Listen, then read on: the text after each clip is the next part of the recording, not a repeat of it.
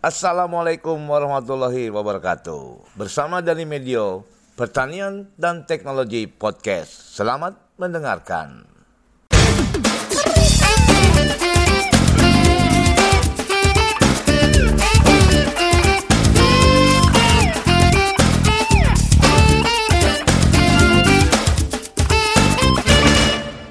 Assalamualaikum warahmatullahi wabarakatuh, Pak Robinson. Waalaikumsalam warahmatullahi wabarakatuh, Pak Dani. Semangat. Oke, oke, Sobat Tani, kali ini podcast saya pertanian dan teknologi saya bukan mendatangkan ya, saya menghubungi karena situasi sekarang lagi COVID-19 dan saya tidak mungkin untuk ketemu. Uh, tapi kalau nggak ada COVID, saya mungkin nggak pikon dengan Pak Robinson ini ya. tapi kan positifnya itu ya kita kita bisa bisa uh, video conference atau meeting melalui uh, apa online. Dan Sobat Tani, Bapak Robinson Putra ini adalah seorang penyuluh pertanian yang bertugas di uh, Kepulauan Riau, ya uh, Provinsi Kepulauan Riau tepatnya di uh, kalau Kepulauan Riau tuh ibu kotanya apa? Lupa saya. Kota Tanjung Pinang. Kota Tanjung Pinang, Sobat Tani. Nah, ini saya akan ngobrol dengan seorang penyuluh pertanian yang bertugas di Kepulauan Riau, tepatnya di Balai Pengkajian Teknologi Pertanian, yaitu BPTP Kepulauan Riau. Pak Robinson, selamat pagi. Assalamualaikum. Pagi, Wah, sehat ya Pak Robinson? Sehat, sehat. Ya. Oke. Pak Robinson, saya uh, melihat di Kepulauan Riau itu dan saya baca di berita ya. bahwa di Pulau Bintan itu ada uh, kegiatan yang dilakukan oleh BPTP uh, eh, khususnya tentunya ini untuk diseminasi tentang varietas impara. Memang di Pulau Bintan itu apakah kondisinya rawa, kemudian memang kenapa impara dan uh, tolong dong ceritakan bagaimana kok bisa Pulau Bintan yang dipilih oleh BPTP Pulau Riau dan Pak Robinson saya lihat hasilnya cukup lumayan ya Pak Robinson ya itu ya. dempamnya ya dan ya. bisa cerita Pak Robinson boleh jadi eh, memang bisa dikatakan kalau di Kepulauan Riau ini orang melihat padi itu agak aneh Pak Dani oh awal mulanya begitu jadi orang yang mana ya padi alang-alang apa padi gitu kan. Bingung ya ini alang-alang apa padi gitu ya. Terus eh, BPTP dengan tugasnya mendiseminasikan, kemudian mengkaji gitu kan. Tahun 2015 itu eh, dilakukan kajian uji adaptasi. Oke, uji adaptasi ya. Uji adaptasi dulu 2015, 2016 uji adaptasi. Dapatlah beberapa varietas yang eh, bisa ditanam di daerah Bintan dan pulau-pulau lain. Oh. Termasuk Inpara. Jadi termasuk Inpara ya. Inpago, Inpara, kemudian ya. Ciherang. Ciherang, oh ya. Ya, 2016 dilakukan hanya hasilnya tidak begitu maksimal. Oke. Okay. Lahan bukan baru itu tiga setengah ton saja dapatnya. Waktu itu, itu. Waktu itu. Kemudian petani tetap tidak mau nanam walaupun sudah panen dengan bupati gitu dia tidak mau nanam. Padahal sudah dilakukan secara ada bupati datang bupati gitu ya. Ada bupati, ada dinas kasih bantuan dia tidak mau nanam. Tidak mau nanam, wah. Gitu gitu. Sehingga kita dari karena lokasi Bintan ini dekat dengan kantor BPTP sebagai oh. salah satu show window kita juga kalau kita ada tamu, ada orang pengen lihat teknologi Badan Litbang, untuk sebelum ke pulau-pulau bisa kita tunjukkan ke Bintan begitu. Nah, Bintan ya. Dan akhirnya saya ditunjuk sebagai waktu itu produksi benih sama mendampingi kegiatan eh, mm, produksi padi, pendampingan hmm. padi, ya kegiatan perbatasan. Jadi okay. saya cari petani kooperator, orangnya tidak mau pada nih. Wow. Jadi bilangnya Pak Ali waktu itu namanya, Pak Ali bilang ini petaninya nih? Ya, nama petaninya Pak Ali. Pak Ali ya? Katanya. Itu sawah itu saya biarin aja kalau ada yang mau beli, beli aja katanya kan. Nah, apa-apa saya bilang gitu kan. 40 juta aja itu udah katanya setektar. Berapa? 40. Berapa hektar? Satu hektar. Wah. 40 juta. Terus saya bilang sama Pak Ali, boleh Pak gitu kan, tapi jangan dulu katanya. Siapa tahu Pak Robinson sama teman-teman ini bisa memberikan saya solusi karena saya tapi juga menanam katanya begitu. Sehingga singkat cerita kita sama dengan tim karena nggak mau petaninya katanya rugi karena Bapak Ali ini hitungannya bisnis Pak Dani kalau di sini nih petani itu. Petani ya udah harusnya. Ya kalau nggak untung dia tak mau. Nah. Walaupun Pak Bupati yang datang, dinas yang datang dia tak mau Pak Dani. Jadi saya berunding sama waktu itu ada tim saya, Pak Wandi, Pak Sudir dan kawan-kawan termasuk Pak Kepala. Pak Balai Pak itu siapa Pak? Pak Dahono, kemudian lanjut Pak Mizu waktu itu. Oh, Pak Mizu, masih dan kan lagi. Itu dan Pak Dahono ya. Terus kami mendiskusikan di kantor. Jadi saya putuskan aja setelah rapat, gini aja saya bilang gitu. Saya waktu di eh, Lampung, saya biasa bertani padi. Jadi udah kita ambil alih aja kita yang nanam, saya bilang gitu kan. Kebetulan Pak Wandi ini memang punya pengalaman dan Pak Sudir kawan-kawan ini mau Pak Dani. Oke. Okay. Pak Wandi itu siapa? Pak Wandi ini orang BPTP juga. Oh, tim ya, tim ya. Oke. Terus, tapi saya bilang sama Pak Ali, waktu saya ke sana, Pak Ali, walaupun kami yang nanam, saya yang nyemprot, saya yang mupuk, kami yang ngolah tanah dan sebagainya, satu poin yang saya minta sama Pak Ali, Pak Ali harus sanggupi dengan kelompok taninya. Apa itu Pak Robinson? Saya minta yang tukang tanamnya istri bapak-bapak petani, satu. Hmm. Yang kedua, Pak Ali harus setiap sebulan sekali atau dua minggu sekali lihat pertanaman padinya walaupun nggak ngukur dia aja. Siap katanya. Ah, Rudi gitu Pak Rudi jadi dikasih keringanan ya? Ya cuman dia lihat aja. Jadi yang ngukur kita aja. Kemudian setelah karena nggak jauh dari rumahnya beliau itu yeah. begitu kita proses nanam saya cari referensi kira-kira paritas apa ya yang cocokkan gitu kan. Nah, kebetulan di tim itu ada yang ahli tanah, dilihat Ini kondisi kondisi lahannya di Palis gimana? Rawa memang. Rawa itu. Rawa itu waktu itu oh setinggi saya ini rumputnya apa nih kayu-kayunya itu. Kayunya ini setinggi saya itu, satu meter delapan puluhan. Terus saya sama teman-teman itu di pinggir tanggul itu mikir gimana cara bukanya duitnya sedikit kan. Maksudnya modal kita ini, gimana iya. caranya? Di pasrain tiga hektar setengah suruh buka. Nah, di situ kemudian saya baca-baca referensi, kemudian saya tanya di teman-teman di uh, eh, BB Padi, ada ahli padi, ya. kemudian saya diskusi sama beliau, gimana Pak? Ini kondisinya begini, sama ilmu tanah juga yang bagian tanah. Ini rawa mas cocoknya ini. Sepertinya kalau hmm. kalau airnya jenisnya seperti ini, hmm kemudian kedalaman lumpurnya begini, warnanya begini nih rawa, tapi bukan rawa murni nih mas, ini oh gitu katanya. Terus jadi gimana pak? Coba aja cari Inpara katanya kan gitu. Hanya saya akses Inpara. Waktu itu Pak Dahono dengan kami 2014 itu ada uji coba Inpara 2 di daerah ya tidak di situ tapi daerah dekat-dekat situ lah ya. Itu hanya sekitar 0,2 hektar gitu itu luar biasa bagus. Nah, nah, terpikir dengan kami bagaimana cara membuka lahan tanpa mengeluarkan biaya yang tinggi badan. Karena biaya olah tanah kalau di sini itu per meter badan ini. Oh. Jadi kalau di Jawa ya, tempat saya itu itu satu juta dua ratus itu udah bersih tinggal tanam. Kalau di sini bajaknya saja 5 juta bajaknya? Bajak ngolah tanah pertama itu 5 juta. Karena 1000 per meter dia. Iya. Nah, sehingga saya dengan teman-teman ngakali karena dia rumputnya tinggi segitu, kayunya juga tinggi, akarnya pasti ada racun racunnya dan ya. tanahnya pasti mengandung Fa yang tinggi setelah kita analisa. Nah, itu saya putuskan gini aja, kita tanpa olah tanah untuk tahap pertama. Oke.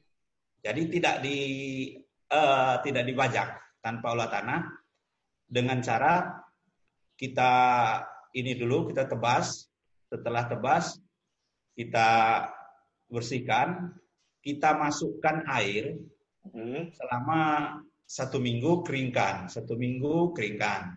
Oh jadi Dan, kasih air dulu, terus keringkan, air hmm. keringkan lagi. Ya sampai satu Itu bulan. Setelah dibuka ya, setelah dibuka ya. Setelah dibuka. Karena kalau saya ceritakan membukanya itu ya namanya membuka lahan kan. Oke, sobat tani bisa kebayang nih ya, Pak hmm. Robinson dan tim BPTP itu dengan ini dapat tanah yang istilahnya udah tanah udahlah pakai aja gitu ya, tidak harus bayar, tidak harus ini. Dan ya. tapi kita sebagai aparat atau ASN yang bekerja di Litbang atau Balai harus membuktikan bahwa nantinya ini bisa menguntungkan dan bisa membagian uh, apa menyenangkan petani ya Pak Robinson ya. Betul itu. Itu yang ada di pikiran kepala teman apa teman-teman kantor gitu. Hmm. Wah, coba terus lagi terus kan ini uh, asik nih. Benar. Setelah itu saya selain berpikir efektivitas pekerjaan, saya juga berpikir dengan teman-teman itu bagaimana caranya biayanya murah. Ya. Kan itu. Sehingga nanti di analisa usaha taninya yang kami buat nanti itu menguntungkan gitu karena teknologi itu kalau tidak menguntungkan walaupun mudah petani akan Iya betul. Kan pengalaman Pak Dani kan gitu ya, kan. Jadi kata Pak Kepala Badan Litbang juga teknologi kita itu harus punya nilai ekonomis yang betul-betul petani mau, user mau dan menguntungkan buat mereka. Itu nah, itu kunci Pak. Ya, kalau skala penelitian bisa kita lakukan apa aja dengan cara apa saja, tapi ya. biayanya tinggi, susah mau diadopsi. Ya. Setelah itu kami eh, lakukan namanya itu pengaturan air supaya masuk. Nah itu kenapa kami ambil cara air masuk, keringkan air masuk, keringkan itu, itu kalau tanah yang masam, tanah yang seperti rawa begitu, itu sambil mencuci lahan Pak Denny. Oh. Jadi itu. Jadi airnya mencuci lahan. Kita akhirnya mencuci lahan, kita keringkan, eh, masukkan air. Jadi ini yang warnanya agak merah. seperti biru Kuning. merah itu. Oh, ya, ya. Kuning atau merah? Agak, agak merah. Oke, oke, ya. ya. Jadi dia seperti gambut gitu kan. Ya, ya. Kita cuci terus sampai dia terbuang itu selama satu bulan. Keluarkan airnya masuk gitu kan. Nah, setelah dia kita keluarkan airnya, baru kita, waktu pengeringan kedua itu saya dengan teman-teman semprot pakai herbisida mm-hmm. dicampur dengan ada racun untuk menghancurkan uh, akar-akar dan kayu-kayu, melakukan kayu lah, memudahkan melakukan kayu. Jadi membersihkan tanaman-tanaman yang sudah ada di situ ya, yang pengganggu-pengganggu itu ya tanaman ya. Iya. Kayu-kayunya kan tinggi-tinggi segini-gini ya, kan ya. yang berdiri. Saya bisa, Jadi, bisa bayangkan itu. Di dalam proses satu periode musim tanam ini, gimana caranya satu periode musim tanam nanti dia jadi busuk. Oke, ya, ya, ya betul betul betul. Jadi, tapi awalnya kami semprot dulu dengan setelah pengeringan kedua waktu olah tanah itu kami semprot dengan racun kayu dengan pestisida kami campur. Dan luar biasa. Jadi setelah itu bersih, petaninya kaget melihat, Pak Robinson, nggak pakai bajak ya? Kalau pakai bajak kan tenggelam katanya kan gitu ya. Terus kalau kita ini ada kayu-kayu begitu gimana cara Pak Robinson membersihkannya? Nggak terpikir dia kan? Iya. Makanya kemarin Pak saya bilang kan Bapak harus dua minggu sekali datang, tengok saya kerja gitu kan. Terus kata Bapaknya, kemarin saya sibuk ke laut katanya cari ikan katanya kan. Oh dia lebih lebih ke nelayan ya? Gitu. Lebih ke nelayan. Kemudian kami bersihkan. Nah, setelah itu eh, persemaian persemaian ya kita coba kan ini lahan udah siap hmm. udah kita bersihkan hmm. itu kita di persemaian kita coba inpara 2 inpara 3 sama ada yang keringnya juga inpago inpagonya tak jadi yang jadi itu maksudnya nggak jadi kita eksekusi jadi yang ada inpara 2 inpara 3 nah, nah ya begitu Pak Robinson sorry pada waktu menyemaikan itu masih dilakukan oleh tim BPTP saja jadi dari mulai pengolahan tanah sampai panen itu tim BPTP Rani. Petani belum belum terlibat ya, belum ikut ya, dia jangan tak mau betapa. Oke, terus terus. Ya, Jadi setelah itu setelah kita nyemai kita ini, tapi mereka tetap datang ada dua tiga orang datang ke. Jadi ngeliatin aja ya. Ah, pinggir galengan itu duduk dia kan. Pak Robinson itu jenis padi apa tuh? Perasaan saya dari Jawa dulu tak ada kayak gitu modelnya katanya gitu kan. kita kasih akhirnya teman-teman bilang kasih pelang aja biar orang nggak nanya-nanya ke kita lagi katanya. ya, ya, dikasih pelang nama ya. Ya, para dua. Eh. Pak Inpara itu apa Pak gitu kan nanya mulai diskusi kan penyuluhannya secara perlahan gitu pada ya, ini kan ya. jadi begitu teman-teman petani datang dia tiap hari datang tiap hari datang. Proses mau tanam. Karena ibu-ibu ini sudah lama tidak pernah menanam padi. Ya. Tanya kan? Ini tentu dia lupa tekniknya pada ini iya. walaupun dulu pernah nanam padi kan gitu. Iya. Jadi saya briefing dulu dengan teman-teman, kita kasih masukan. Ini cara nanamnya seperti ini, Bu. Jangan terlalu dalam, kalau terlalu dalam ini terus ya kita kasih teknik. Kita pakai jajar legowo waktu itu. Ya. Jajar legowo 21 sama 41. Kata ibu-ibunya, Pak Robinson, ini kalau segini luas, kapan selesainya kalau rapat begini tanamannya? Kan gitu. Ya memang Bu kata gitu secara luas dia bertambah tapi e, luas sawahnya tetap tentu tenaga kerjanya bertambah juga saya bilang begitu. Hmm. Ibu-ibunya yang penting ibu-ibu mau semangat ya kita ini Pak kami semangat karena memang ada pesan dari suami-suami kami, anak-anak kami kalau ini berhasil yang akan nanam berikutnya nanti kami-kami Pak bukan Bapak lagi katanya. Tak jadi dijual saya bilang gitu kan. Kadang gue bilang, Pak, Bu, gitu. Ini udah saya cariin ini yang mau beli sawah nih, gitu kan. Saya, saya yakin Pak Robinson dengan metode Pak Robinson eh, pendekatan secara penyuluhannya dan kita harus tekun. Memang harus seperti itu. Ternyata mungkin mereka memperhatikan, Pak. Sehingga ya. mereka, oh, kayaknya, dan mungkin mereka juga ngobrol sama istrinya. Itu bagus, saya lihat kemarin ke sana. Mungkin saya, akhirnya ya. mereka terketuk, nanti kita liatin aja dulu pasti seperti itu. Karena petani itu ngelihat apa ya uh, petani itu sifatnya kan ingin bukti. Bukti, betul. Nah, artinya uh, apa? Nanti kita lihat dulu aja, pasti begitu dia. Ya. Itu berat itu, berat bagi petugas penyuluh itu.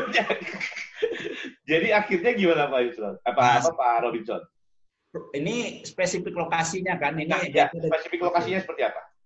Kalau misalnya di Lampung atau di Jawa atau di Maluku Utara dulu waktu saya berdinas di sana ya. itu seminggu setelah tanam itu bisa kita langsung kasih air pada nih. Iya, iya. Itu bisa bisa bagus langsung mekar tanamannya. Kalau di sini waktu kemarin kami lakukan itu 2017 sama 2018 itu sampai 2019 itu itu kalau kita kasih satu minggu itu padinya kuning mbak Dani. Oh. Jadi saya bilang sama teman-teman ini kalau menurut analisa saya ini 15 hari baru bisa dikasih air. Oh, itu yang tadi karena mungkin FE-nya itu tinggi. FE-nya tinggi. Oke. Saya lihat Jadi, di tulisan Pak Robinson tuh karena cut itu ya, kan FE-nya yang FE-nya tinggi. Iya, iya. Jadi begitu kita kasih 15 hari, dia tidak ini tidak eh, berpengaruh terhadap tanaman. Nah, kembali ke awal berarti hitungan benihnya, kan kalau kita nanam biasa kan petani itu 25-30 hari kan. Ya. Nah, jadi kita benihnya itu kita tanam mudah. maksimal 19 hari atau mudah. Mudah, ya. Hmm. Sehingga nanti eh, cadangan makanan yang ada di bibit, kan masih ada benih padinya itu, dia itu masih cukup ketika menyambung ke 15 hari setelah tanam. Ya, ini ini penting ya sobat tani. Ternyata memang masih petani kita itu secara konvensional dia masih menanam pada umur padinya yang sama itu sekitar 20 ke atas, 22 hari. Yang kita anjurkan emang umur muda ya Pak Robinson ya. 15 nah. hari itu yang wah. Nah, ini ini satu satu poin yang yang kita tangkap. Hmm.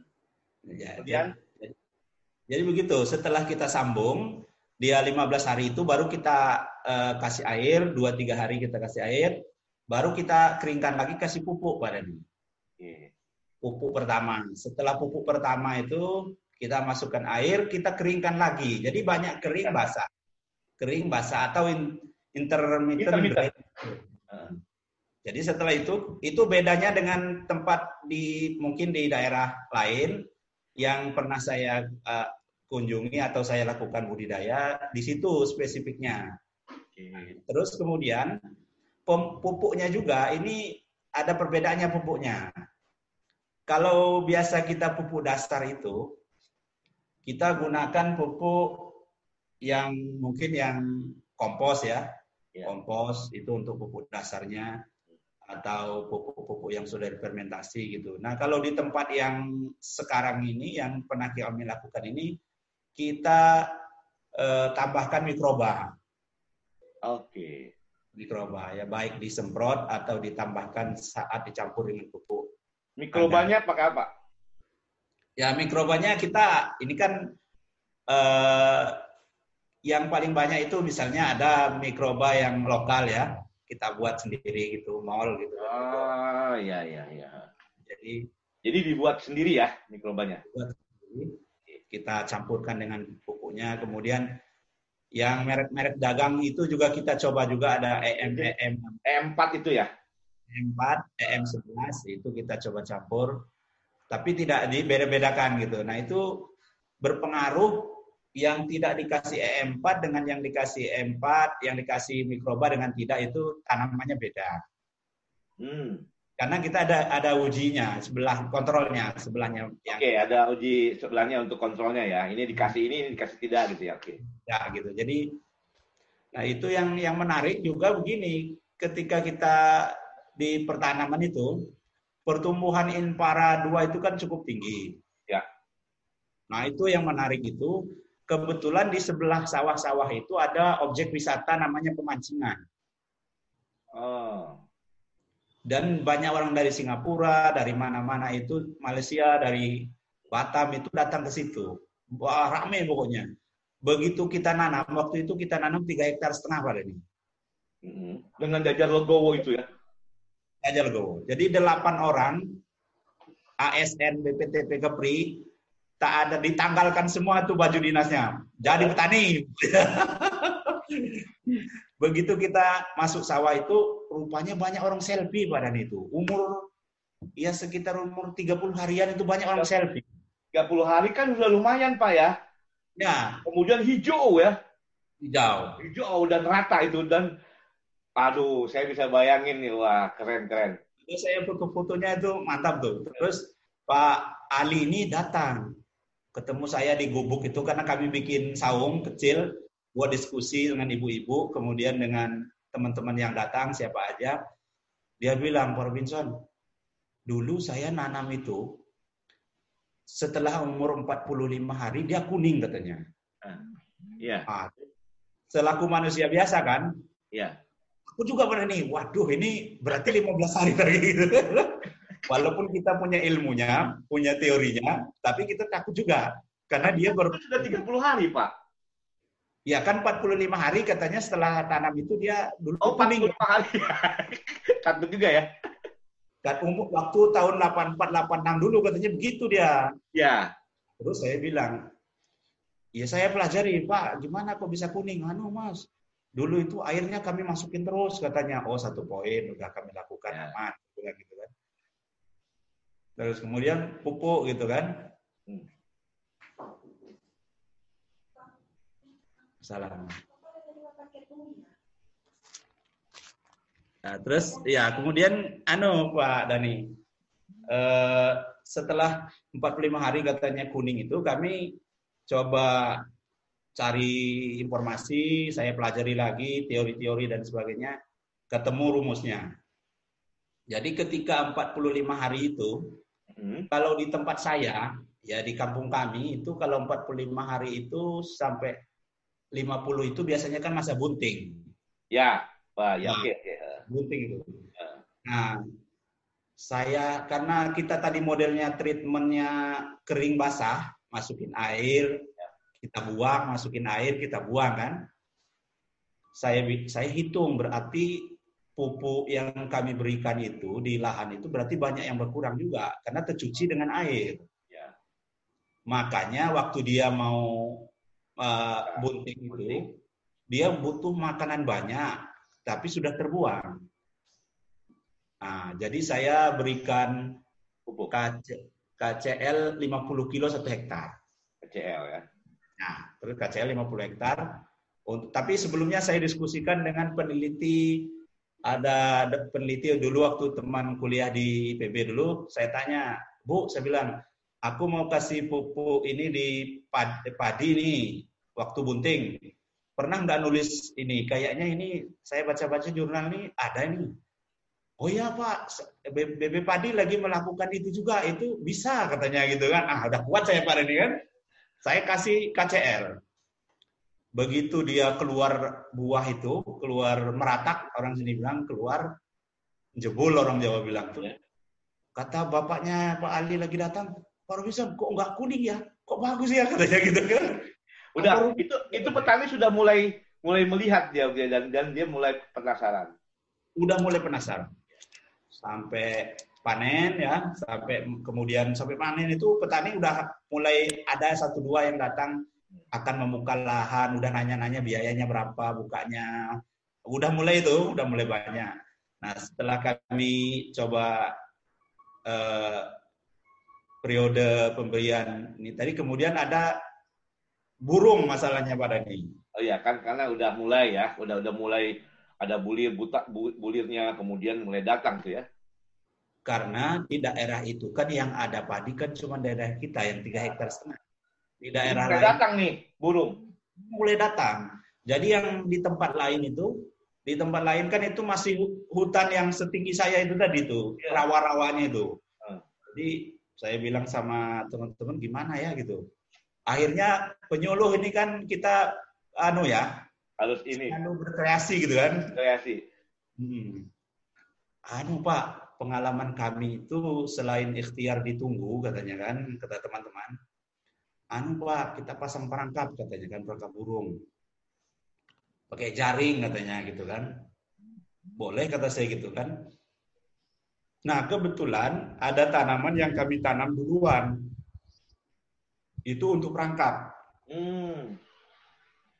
ini bukan disengaja untuk merangkap burung ini tadi sebenarnya hmm. ini karena duluan tanam gitu loh ya ya ya ya ya Nah, ketemulah itu solusinya. Jadi burung itu masuk ke tempat yang duluan dengan dipasang jaring, kemudian dipasang kelonteng-kelontengan. Nah, ya itu kelonteng-kelonteng biasa kayak petani kita pada ini kan, kelonteng-kelonteng. Orang-orang sawah gitu pakai tali ya. Ya, bunyi dia kering kering kering kering kering kering. Burung kan takut. Ya. Nah, setelah itu sampai panen alhamdulillah burung tidak banyak, kemudian bisa panen dengan bagus. Uh, jadi di saat bunting tadi kita kasih pupuk, kemudian saat dia, nah perbedaan yang spesifik lokasi lagi. Kalau mau panen, kalau mau panen itu kira-kira pengeringannya itu kan kalau di Jawa gitu ya di atau Sumatera itu hmm. ngeringkannya itu setelah dia bulirnya terisi penuh baru ya. dikeringkan biasanya. Nah kalau di sini kalau kita bulirnya sudah penuh pun, kalau kita keringkan, nanti kempes. Oh. Jadi kalau saya hitung harinya itu 15 hari sebelum panen itu baru dikeringkan. Jadi tetap artinya tidak tapi tidak tergenang kan? Di, digenang. Jadi 15, oh. jadi terakhir genangannya itu 15 hari sebelum panen. Sebelum panen tetap tergenang ya. Nah, jadi misalnya kalau panennya 105 hari berarti 90 hari kita keringkan. keringkan. Baru kita keringkan. Nah, itu tujuannya bedanya, untuk apa itu? Itu kalau airnya nggak ada, di sini kempes, nggak ada isinya. Bulirnya. Bulirnya. Tapi kalau di kalau di tempat kami kan eh, di Sumatera sana itu kalau misalnya udah merata, udah ada isinya, sebulan mau panen keringkan masih bagus ada apa di situ. Jadi saya analisa juga kemudian karena di sini dilewati oleh garis katulistiwa. Oke. Suhunya hampir 38 derajat sampai panas, 4 ya. panas. Penguapannya tinggi. Nah, yang kami temukan juga spesifik lokasinya, kalau Inpara 2 itu kan 115 hari kalau 15 hari, ya. Nah, itu kalau di sini 105 hari udah panen. 105 hari sudah bulir udah full, udah, udah penuh. Full. Sudah penuh. Bedanya Kalau di daerah lain itu sampai 115 hari. Lumayan kalau itu Pak, bedanya 10 hari itu. 10 hari. Nah ini saya penasaran, benar nggak ya gitu kan. Kemudian saya coba juga di Lingga. Selisihnya 8 sampai 10 hari juga dari yang tertulis di deskripsi paritas. Ya, ya. Nah, okay. jadi poin-poin yang tadi ingin kami sampaikan spesifik lokasinya adalah air air satu. Permitan harus lebih. Harus lebih. Pengolahan tanahnya ini kan olah tanah. Ya. Yang nanti ada ada yang kedua kami gunakan setelah dia olah tanah, setelah tanpa olah tanah, treatment berikutnya tanpa olah tanah dengan olah tanah tetapi menggunakan bajak mini namanya. Bajak mini ya. Bajak kura-kura itu kedalaman maksimalnya 20 cm masuknya masuknya itu 20 cm uh, sehingga itu solusi setelah uh, uh, periode musim kedua ini kan musim pertama tadi musim keduanya supaya tidak begitu lama olah tanah lagi kita tidak tanpa olah tanah juga kan jadi kita turunkan bajak kura-kura namanya dengan bajak mini itu jadi bukan hand traktor yang besar itu ya, ya jadi itu. agak kecil ya mini dia kecil ya. Kecil ya. Hmm. Jadi ada ada roda ada amfibi itu dia. Pisau cangkulnya kecil ya. Kecil, Atau... Setelah itu baru untuk periode kedua bisa dengan olah tanah tapi olah tanah dangkal. Oke. Okay. Tapi prinsipnya dia pada ini prinsipnya itu ya biasa dilakukan dengan uh, tan diukur ya kedalaman cangkulnya itu kita ukur. Itu mungkin memang memang ini ya perjalanan. Ya. Jadi saya saya bisa tangkap gini, karena uh, di komponen teknologi di PTT juga kan ada intermittent ya harus dilakukan. Gitu. Tapi nah. kan tidak semua dari saya yang saya tahu kan 9 sampai 11 komponen teknologi yang yes, ya. uh, yang ada dari mulai VUB, kemudian pemupukan berimbang, kemudian ada ada intermittent itu saya tahu. Tapi tidak tidak semua lokasi melakukan itu.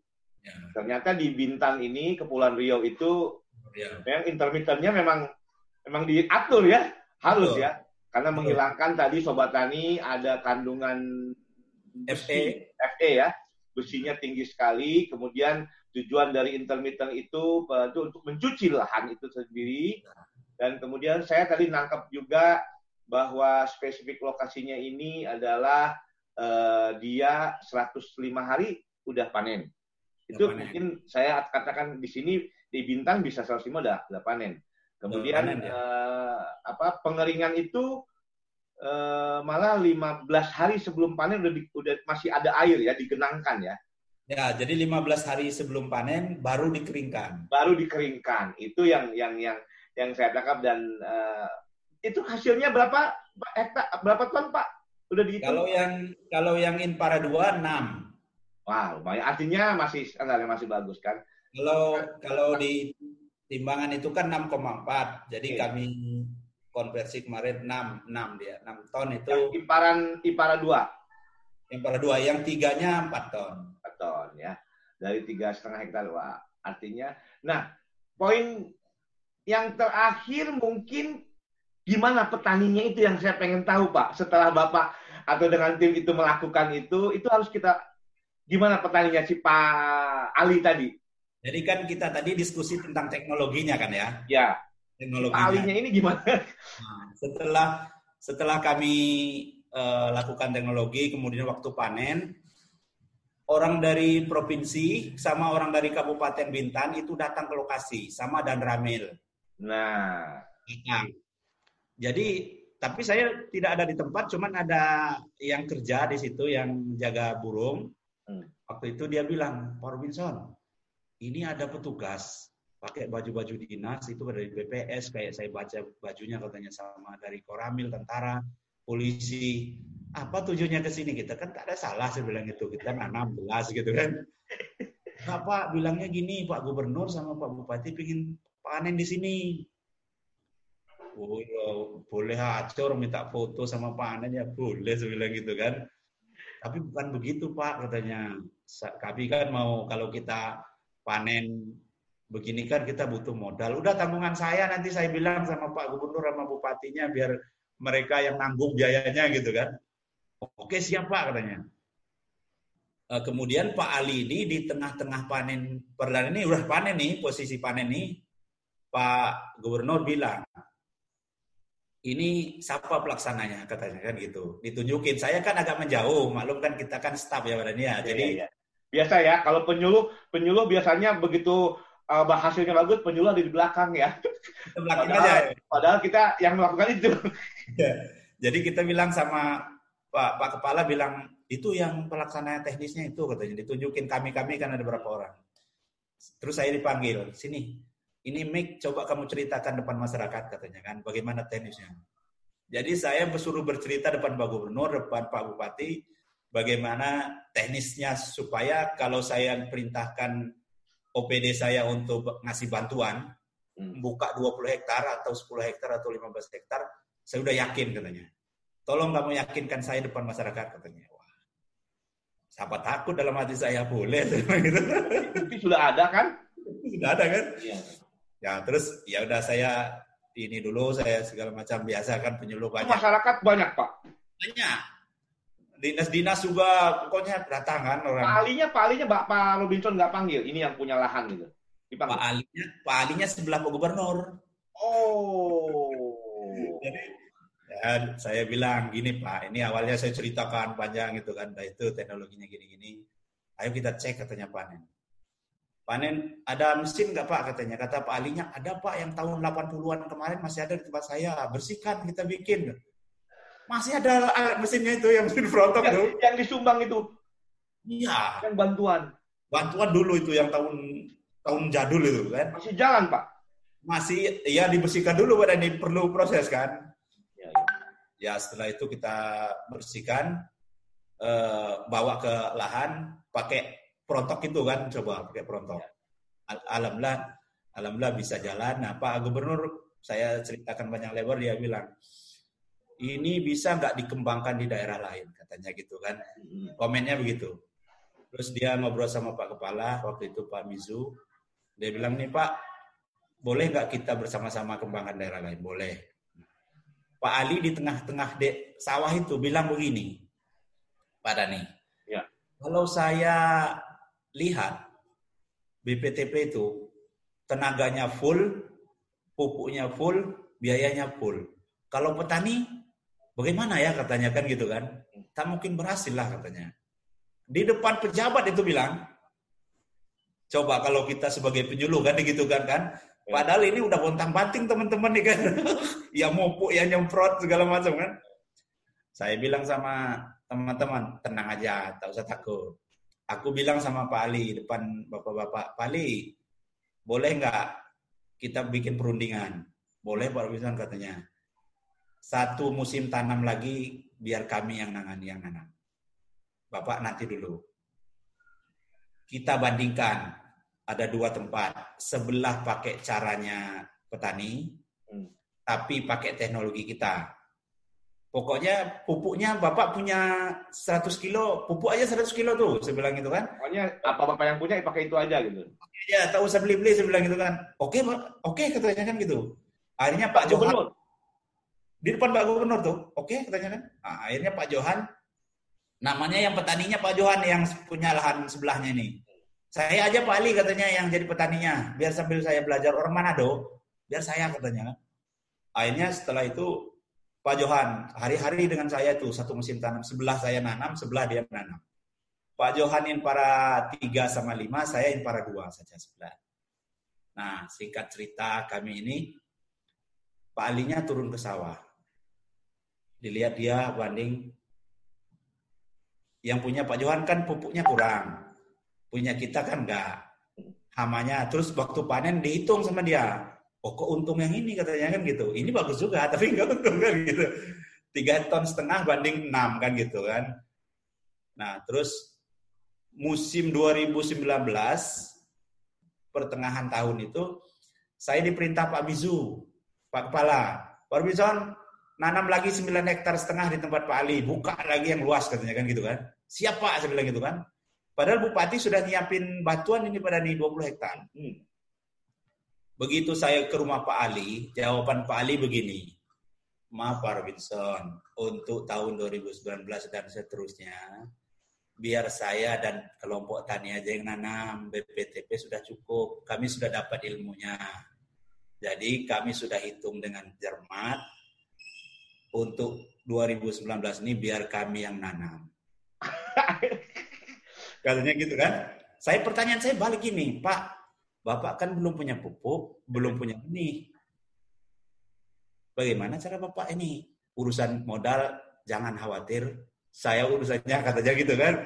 Pak itu luas Pak, saya bilang gitu. Itu ada 20 hektar. Enggak apa-apa Pak Robinson. Pokoknya nanti ada dinas, ada apa, ada kami, pokoknya kami kami aja nanam Pak Robinson off dulu. Cuman saya minta katanya gitu kan. Selama satu musim tanam ini Pak Robinson sebulan sekali kah apa sekali datang dibalik ya akhirnya Pak Robinson dulu dulu Pak Robinson suruh ke petani udah diem. Seminggu tuh sekarang uh, ini ini hebat betul tuh jadi begitu saya nanam dia. Pak Robinson saya ngelihat teknik Pak Robinson itu periode pertama periode kedua itu luar biasa katanya kan tapi periode kedua saya baru dapat rumusnya, spesifik lokasi menurut saya, kata dia. Dan menurut kekuatan saya. Gimana Pak Ali? Ini Pak ini kita susun aja katanya. Olah tanahnya dangkal. Maka treatment drainase tadi, drainasenya, kemudian intermittent drainasenya kita atur, airnya, hmm. pupuknya juga kita tentukan katanya pupuknya NPK 15 15 15 itu kan ada NPK 15 15. Kemudian dia udah susun itu. Coba baru bisa cek dulu katanya kan. Saya cek pada nih kan. Ya. Boleh nih Pak, cocok nih gitu kan. Tapi paritasnya saya ganti ada saya tambah Pak nih kata kata dia, kata Pak Ali. Apa tuh Pak? Katanya saya coba ini ada dari Sumatera, Ciherang apa gitu kan? Ciherang ya. Dia bilang, Pak udah dicoba Pak, Ciherang tuh kurang bagus. Oke lah, saya coba satu petak aja katanya gitu kan. Akhirnya dia dia coba satu petak. Nah Ciherang kemudian di lahan seperti itu. Dia nggak cocok sebetulnya. Makanya. Tapi kan dia karena dia punya kemauan. Ya. Dari sekitar lahan dia itu tiga hektar setengah itu, dia coba satu kotak. Sampai panen saya tungguin, memang saya datang seminggu sekali sambil ngisi pekerjaan, kemudian saya diskusi sama Pak Ali. Pak Ali bilang, Pak Wilson, saya mohon maaf sebelumnya waktu di depan Pak Bupati, depan Pak Gubernur itu saya bilang itu teknologinya mahal dan sebagainya. Tapi ternyata setelah saya lakukan satu musim tanam ini, kemudian panen. Saat itu saya datang tuh saat panen itu kebetulan kami ke sana sama teman-teman tuh cari durian, lagi musim durian, terus mampir dia lagi panen, saya tanya Pak Ali, kan ada satu hektar tuh, satu hektar tuh sudah dapat berapa eh, yang sudah dipanen? Itu baru setengah, baru mungkin dua ton setengah udah dapat katanya di gudang. Ini masih panen, masih itu lagi diambilin di lahan. Lihat aja di sana katanya kan gitu. Mantap saya bilang gitu kan. Ya baru bisa, tapi inilah saya akan gerakkan masyarakat sini supaya nanam katanya. Oh gitu. Nah, dengan bersamaan itu akhirnya orang yang punya duit ya. yang tadi 40 juta saya tanya berapa harganya Pak e, sawahnya katanya kan gitu 220 juta jadi ya sawahnya Ya karena tadi sudah sudah apa ya sudah terekspos, kemudian lahan hasilnya seperti itu. Pak Robinson sudah prosesnya panjang dan gubernur, bupati ya, bupati sudah gubernur, bupati, bupati sama gubernur. Dua periode itu bupati gubernur. Ya, sehingga dia menjadi diseminator setelah, setelah tidak setelah tidak kita sadari bahwa dia tuh menjadi diseminator, Pak. Jadi informasi yang udah itu mereka yang lakukan akhirnya ya seperti ini. Ya. Waduh, ini memang. Jadi setelah setelah itu panen kedua tadi itu Pak Bupati datang lagi, dia bilang Pak eh, kami dari eh, kabupaten akan memberikan bantuan sarana produksi seluas 20 hektar katanya gitu. Jadi akhirnya 20 hektar ya? Kemudian dikasih juga mesin, mesin. Sama mesin, alat mesin pertanian. Ada kelompoknya, dan kelompoknya Pak Ali itu?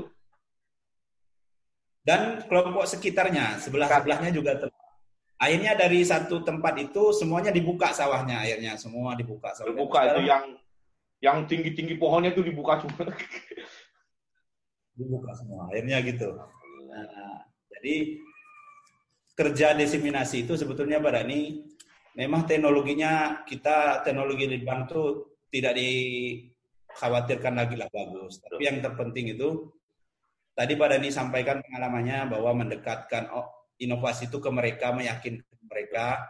Dan saya hari-hari setelah dari sawah itu saya sengaja main ke rumahnya petani-petani nah, kelompok. Gitu. Itu yang harus dilakukan. Jadi memang ya kita ya. minum kopi. Kalau perlu tidur di sana sekali-sekali. Kemudian kita uh, ngobrol dan apa sehingga kita gali apa itu. Itu yang sebetulnya yang ingin saya teman-teman penyuluh ya harus kita punya punya punya jiwa seperti itu dan pakai teknik itu tidak sembarangan memang harus ada ada teori ada apa ada ada ada tekniknya untuk mendekati wah ini Pak Robinson saya disingkat nih cuman waktunya nanti uh, saya akan akan apa akan ini pasti bermanfaat jadi teman-teman itu proses yang dilakukan oleh seorang penyuluh bersama bersama tentunya ya. ada tim ya Pak Robinson kita nggak bisa kerja sendiri kita harus juga teamwork itu harus ada sehingga hasilnya Pak, Pak Robinson ini Eh, bisa membuahkan hasil minimal. Dan poin penting pada nih, poin ya. penting sebetulnya. Apa itu? Hmm. Poin penting sebetulnya kalau kerja di lead bank itu, kerja di lead bank itu poin pentingnya adalah BPTP itu tidak sendiri. Nah, jadi teman-teman penyuluh di mana pun berada, petani di mana pun berada tidak sendiri. Saya ada Pak Dani, saya belajar dengan Pak Dani. Ada BB Padi, saya belajar dengan Pak Agus Kemudian via phone, via WA, via ini tanya gimana ini. Jadi kita bisa diskusi. Kemudian hama penyakit, kita tanya dengan ahli hama penyakit. Jadi sebetulnya kerja di uh, Badan Litbang itu tidak sendiri, kita itu keluarga besar. Kadang-kadang kita itu masing-masing aja, udah kamu ya BPTP BPTP gitu dia nggak pernah sinkronisasi dengan teman-teman di atas. Nah itu itu yang yang kami lakukan kemarin ya saya tidak sendiri, bukan Robinson aja, tapi ada teman di sini, ada dari pusat, termasuk saya diskusi dengan Pak uh, Trip, ya. Pak Rubio, saya diskusi kan, Pak Bakhtar, saya diskusi, Pak gimana ini Pak? Oh gini mas, ini loh itu luar biasa. Nah, itu Pak ya. uh, kuncinya. Ya, sama ini itu semangat aja lah pokoknya ya, jadi gini, keuntungan kita bekerja di Litbang seperti itu. Kita punya informasi semua. Sama, saya juga lakukan apa yang uh, Pak Pak Robinson lakukan tadi, telepon ke penelitinya. Kalau petani pertanyaan, jangan takut, kita punya ahlinya, telepon ahlinya, dan kita mendapatkan ini. Wah, ini mudah-mudahan penyuluh teman-teman penyuluh di daerah lain juga jangan sungkan-sungkan kita harus harus berkolaborasi, kemudian kita kerja teamwork, sehingga membuahkan hasil apa yang sudah dilakukan oleh Pak Robinson Putra ini bersama tim uh, di BPTP Kepulauan Riau. Pak Robinson, terima kasih. Ini obrolan yang bermanfaat. Mudah-mudahan ini bisa menginspirasi teman-teman penyuluh lainnya. Dan uh, saya berharap Pak Robinson tetap bekerja dan sehat selalu. Terakhir, ada yang ingin disampaikan untuk penyuluh kita? Sama-sama. Ya, terakhir mungkin terima kasih Pak Dani sudah memberikan kesempatan saya berbagi mendiseminasikan inovasi yang baru dan teknologi ini sekarang bukan cuma di Bintan saja, jadi Natuna, Lingga, Anabas, Karimun. Jadi sawah yang tidak produktif, tidak pernah dibuka itu semua dibuka. Alhamdulillah kerja Badan Litbang termasuk BPTP Kepri dan teman-teman sudah membuahkan hasil sekarang sudah ditanam dengan varietas unggulnya dengan teknologinya. Nah dari saya selaku penyuluh, terima kasih banyak diberikan kesempatan Pak Dani. Mudah-mudahan Pak Dani bisa memunculkan teknologi spesifik lokasi yang belum terpublish ya, di mana pun selain dibentuk jurnal dalam bentuk seperti ini kan kita ceritanya luas gitu. Jadi ada hal yang kadang terungkap, tidak terungkap di tulisan tapi di diskusi. Mungkin itu saja Pak Rani. Terima kasih banyak. Sampai jumpa di lain kesempatan. Oke, Pak Robinson, terima kasih. Baik, Sobat Tani, demikian obrolan saya bersama uh, penyuluh pertanian yang ada di BPTP Kepulauan Riau, yaitu Robinson Putra. Dan mudah-mudahan apa yang kita obrolkan bermanfaat bagi Sobat Tani di luar sana. Baik, dengarkan terus podcast saya, Pertanian dan Teknologi. Salam Pertanian.